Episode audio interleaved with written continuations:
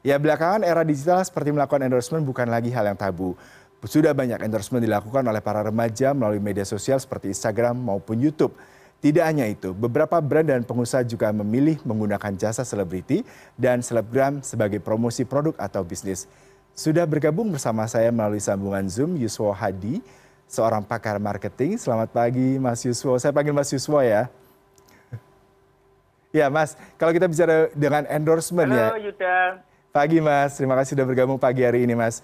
Tadi saya sedikit mendapatkan informasi terkait data-data. Pengguna internet di Indonesia itu 63 juta bahkan data terakhir dari Kemeninfo. Dan ini merupakan suatu pasar yang besar buat strategi marketing endorsement. Lalu apakah Anda melihat sosial media ini merupakan suatu pergeseran dari konvensional branding dan marketing yang sebelumnya ada mungkin di iklan, di billboard, dan media konvensional, Mas?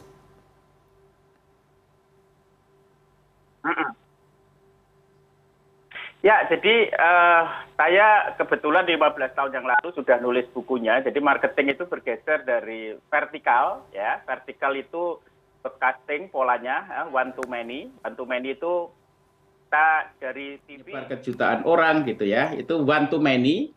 Kemudian menjadi many to many ya, many to many itu via Facebook ya, via Instagram, via TikTok gitu, di mana penyebar dan penerima informasi menjadi tidak jelas sekarang ya. Bisa kadang-kadang satu saat dia nyebar satu saat dia terima gitu ya. Itu datangnya dari mana-mana. Dari uh, top down ke bottom up dari top down ke peer to peer dari customer ke customer gitu ya. Makanya sekarang alat yang paling ampuh adalah sosial media. Jadi di dalam horizontal marketing horizontal media itu yang paling ampuh sekarang bukan lagi yang mainstream media tetapi kemudian adalah justru yang sosial media ini. Jadi setiap orang sekarang bisa menjadi content creator, setiap orang bisa menjadi uh, influencer, setiap orang bisa menjadi publisher ya. Jadi setiap orang sekarang bisa punya stasiun TV sendiri, hmm. setiap orang bisa punya koran sendiri, setiap orang bisa punya radio sendiri. Kalau dulu nggak mungkin, sekarang mungkin, Mas Yuda. Mm -hmm. Berarti Anda katakan tadi ini sebuah keniscayaan, bahkan Anda sebelumnya sudah membuat buku dan melihat fenomena ini. Lalu mengapa ya. endorsement menjadi model marketing yang saat ini diminati, Mas? Apakah memang penggunaan sosial media tadi yang saya riset mencapai 2 hingga 3 jam per hari dengan jumlah penduduk yang begitu besar bisa memberikan sebuah uh, fenomena menarik terkait dengan selling produk sendiri, Mas?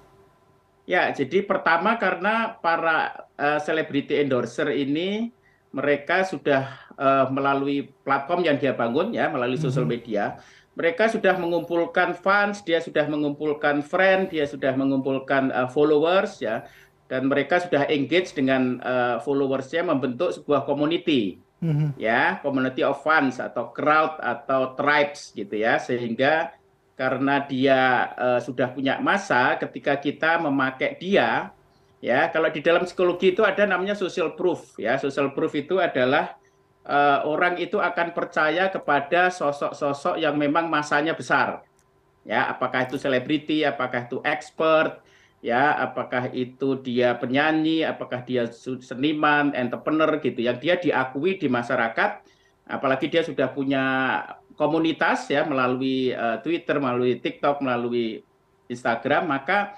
konsumen itu akan cenderung percaya kepada para sosok-sosok uh, uh, orang yang punya masa besar ini. Sehingga kalau kita memakai dia, maka orang akan ngikut gitu ya. Kalau si tokoh ini uh, konsumsi produk A, maka followersnya akan cenderung untuk konsumsi produk A juga. Makanya kenapa endorser itu atau selebriti endorser itu menjadi sangat powerful. Tapi ada catatannya, nanti hmm. kita discuss. Hmm. Ada catatannya. Ya, yang menarik adalah tadi Anda katakan social proof. Apakah ini berbanding lurus dengan selling dari suatu produk? Karena ternyata akhirnya metriknya berubah. Tidak hanya sekedar dari banyaknya followers, mm -mm. tapi juga engagement di mana interaksi Betul. antara produk dari selebritas tersebut dengan produk dan para followers dan juga berbanding lurus dengan penjualan, Mas.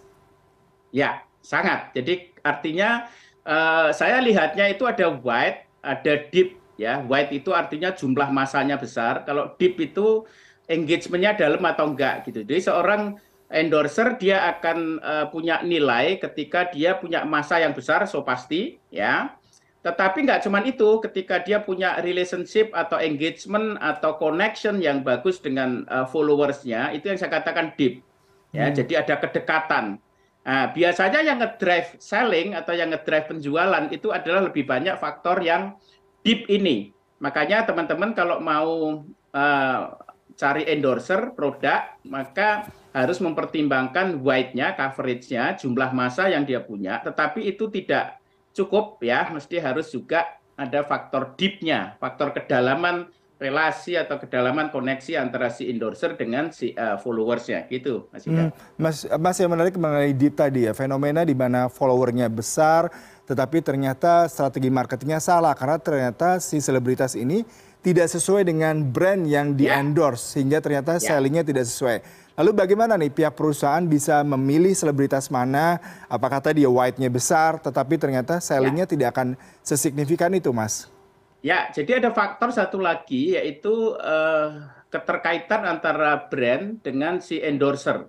Ya, apakah identitasnya, apakah skillnya atau expertise-nya, apakah positioning-nya, ya, apakah uh, brand DNA-nya gitu ya. Jadi teman-teman pada waktu memilih endorser, yang pertama dilakukan adalah clear mengenai siapa target market atau siapa uh, pasar yang dituju, ya Terus kemudian pasar itu apakah identik dengan uh, brand identity? Karena endorser itu juga brand, Mas Yuda. Hmm. Hmm. Jadi seorang endorser is a brand, di mana sebuah brand punya positioning, sebuah brand punya uh, identitas, ya, sebuah brand punya uh, apa namanya punya expertise tertentu gitu ya. Jadi kalau kita di fashion misalnya produk kita di fashion, maka endorser yang kita pilih adalah authority atau mereka yang memang punya kekuatan brand ya brand identitasnya kuat di fashion. Kalau hmm. misalnya kita produk kita kaitan ke UKM misalnya, maka mesti harus sosoknya ini harus yang terkait identitasnya dengan uh, bisnis UKM misalnya, ya. Atau kalau kita food, kita harus cari chef yang memang chef pun macam-macam ya. Jadi mesti harus relate atau connect dengan target market yang kita punya. Jadi yang pertama mesti harus di-identify target market kita kemudian target market kita itu harus ngeling kepada atau relevan dengan uh, sosok endorser yang kita pilih gitu Mas hmm. Yuda. Dengan identifikasi yang tepat diharapkan sellingnya juga bisa signifikan ya Mas. Lalu hmm. dengan beberapa nama selebritas yang mematok harga tinggi karena mereka mengklaim memiliki jutaan follower tapi di satu sisi ternyata white jumlah follower tidak berpengaruh secara langsung. Lalu bagaimana dari para pengusaha sendiri bisa lebih bijak nih ketika mereka pasti terpengaruh dengan nama seorang selebritas, diharapkan bisa meningkatkan penjualan, tapi di sisi lain apakah pengusaha itu juga harus mereview seandainya nanti mereka memilih orang-orang yang sebenarnya iya. tidak populer tapi bisa mendapatkan engagement yang cukup besar? Ya, jadi biasanya kalau uh, harus diakui memang white itu yang paling besar, Mas Yuda ya jadi banyaknya follower itu makanya kenapa kalau followernya banyak otomatis harganya akan tinggi ya. Tetapi saya katakan tadi ya katakanlah mungkin uh, bisa sampai 80% itu ditentukan oleh white-nya mungkin 20% oleh oleh deep-nya gitu ya. Nah tetapi memang betul pertama teman-teman mesti harus identify target marketnya kemudian kita cari uh, brand endorser yang relevan. Tetapi kadang-kadang kayak eksperimen Mas Ida hmm. jadi artinya setelah kita coba tiga bulan kita coba enam bulan gitu. Omsetnya nggak begitu ngangkat gitu. Maka mesti kita harus evaluasi nah, eh, ketidak eh, omset nggak bisa ngangkat ini karena banyak faktor ya. Tadi misalnya faktor white-nya faktor deep-nya kemudian faktor kesesuaian antara eh, brand identity dengan brand identity brand identity produk kita dengan si celebrity endorser. Jadi teman-teman mesti harus lakukan eksperimen dan kalau misalnya sudah cocok, ya, kalau sudah cocok, kalau bisa kita stick kepada satu atau dua endorser. Ya, kenapa begitu? Karena si endorser itu bisa menjadi wakil atau menjadi representasi atau kalau di istilah marketing itu brand persona kita gitu. Ya, jadi eh, apa namanya? Ada certain misalnya kayak Nike itu udah identik dengan uh, Michael Jordan ya, itu udah 3 40 tahun. Bayangkan teman-teman, 40 tahun dia dia apa pakai Michael Jordan itu tanpa tanpa ganti gitu ya. Dan itu menjadi ketika kita ngomong Nike identik dengan uh, Michael Jordan gitu. Ngomong Michael Jordan identik dengan Nike gitu. Jadi memang di awal-awal perlu eksperimen tetapi kalau sudah ketemu kalau bisa teman-teman akan stick di uh, satu atau beberapa kecil uh, endorser gitu. Hmm. Yang menarik adalah mengenai eksperimentali kadang-kadang perusahaan tidak mampu bertahan untuk bisa terus meningkatkan uh, marketing dengan menggunakan endorsement seperti ini ya mas. Ketika mereka melihat ternyata tidak cukup baik, kemudian mereka harus mencari ya. lagi public figure lain, sementara public figure yang tadi saya mungkin list down semua sudah full book, sehingga bagaimana strategi untuk tetap bisa menggunakan platform sosial media, menggunakan endorsers, tapi di satu sisi juga lebih bijak nih.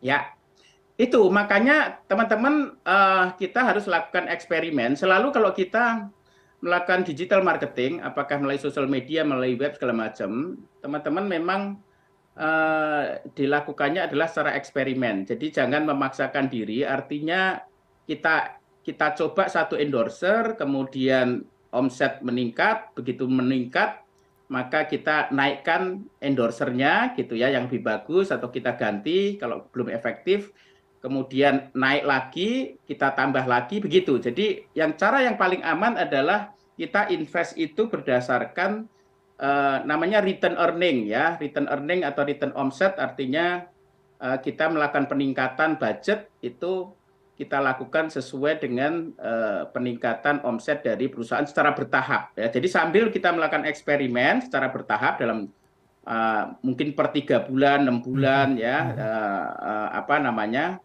setahun gitu nah, itu sambil kita melihat mengevaluasi terus begitu omsetnya naik kita tingkatkan ya begitu naik kita tingkatkan gitu secara bertahap jadi jangan terlalu memaksakan langsung ambil endorser yang besar mahal gitu nggak taunya gagal karena nggak sesuai gitu jadi mesti harus harus organik, harus incremental, Mas Yuda, harus pelan-pelan sehingga itu sesuai dengan peningkatan omset kita. Itu cara yang paling aman, Mas Yuda. Baik, Mas Yuswadi, terima kasih tadi quote-nya adalah harus organik dan eksperimental dan juga harus sabar ya untuk mereview apakah ya. memang tadi pemilihan uh, seorang public figure itu ber, uh, berelasi positif terhadap sales. Terima kasih untuk waktunya perbincangan bersama kami pagi hari ini, Mas. Mas Sehat selalu.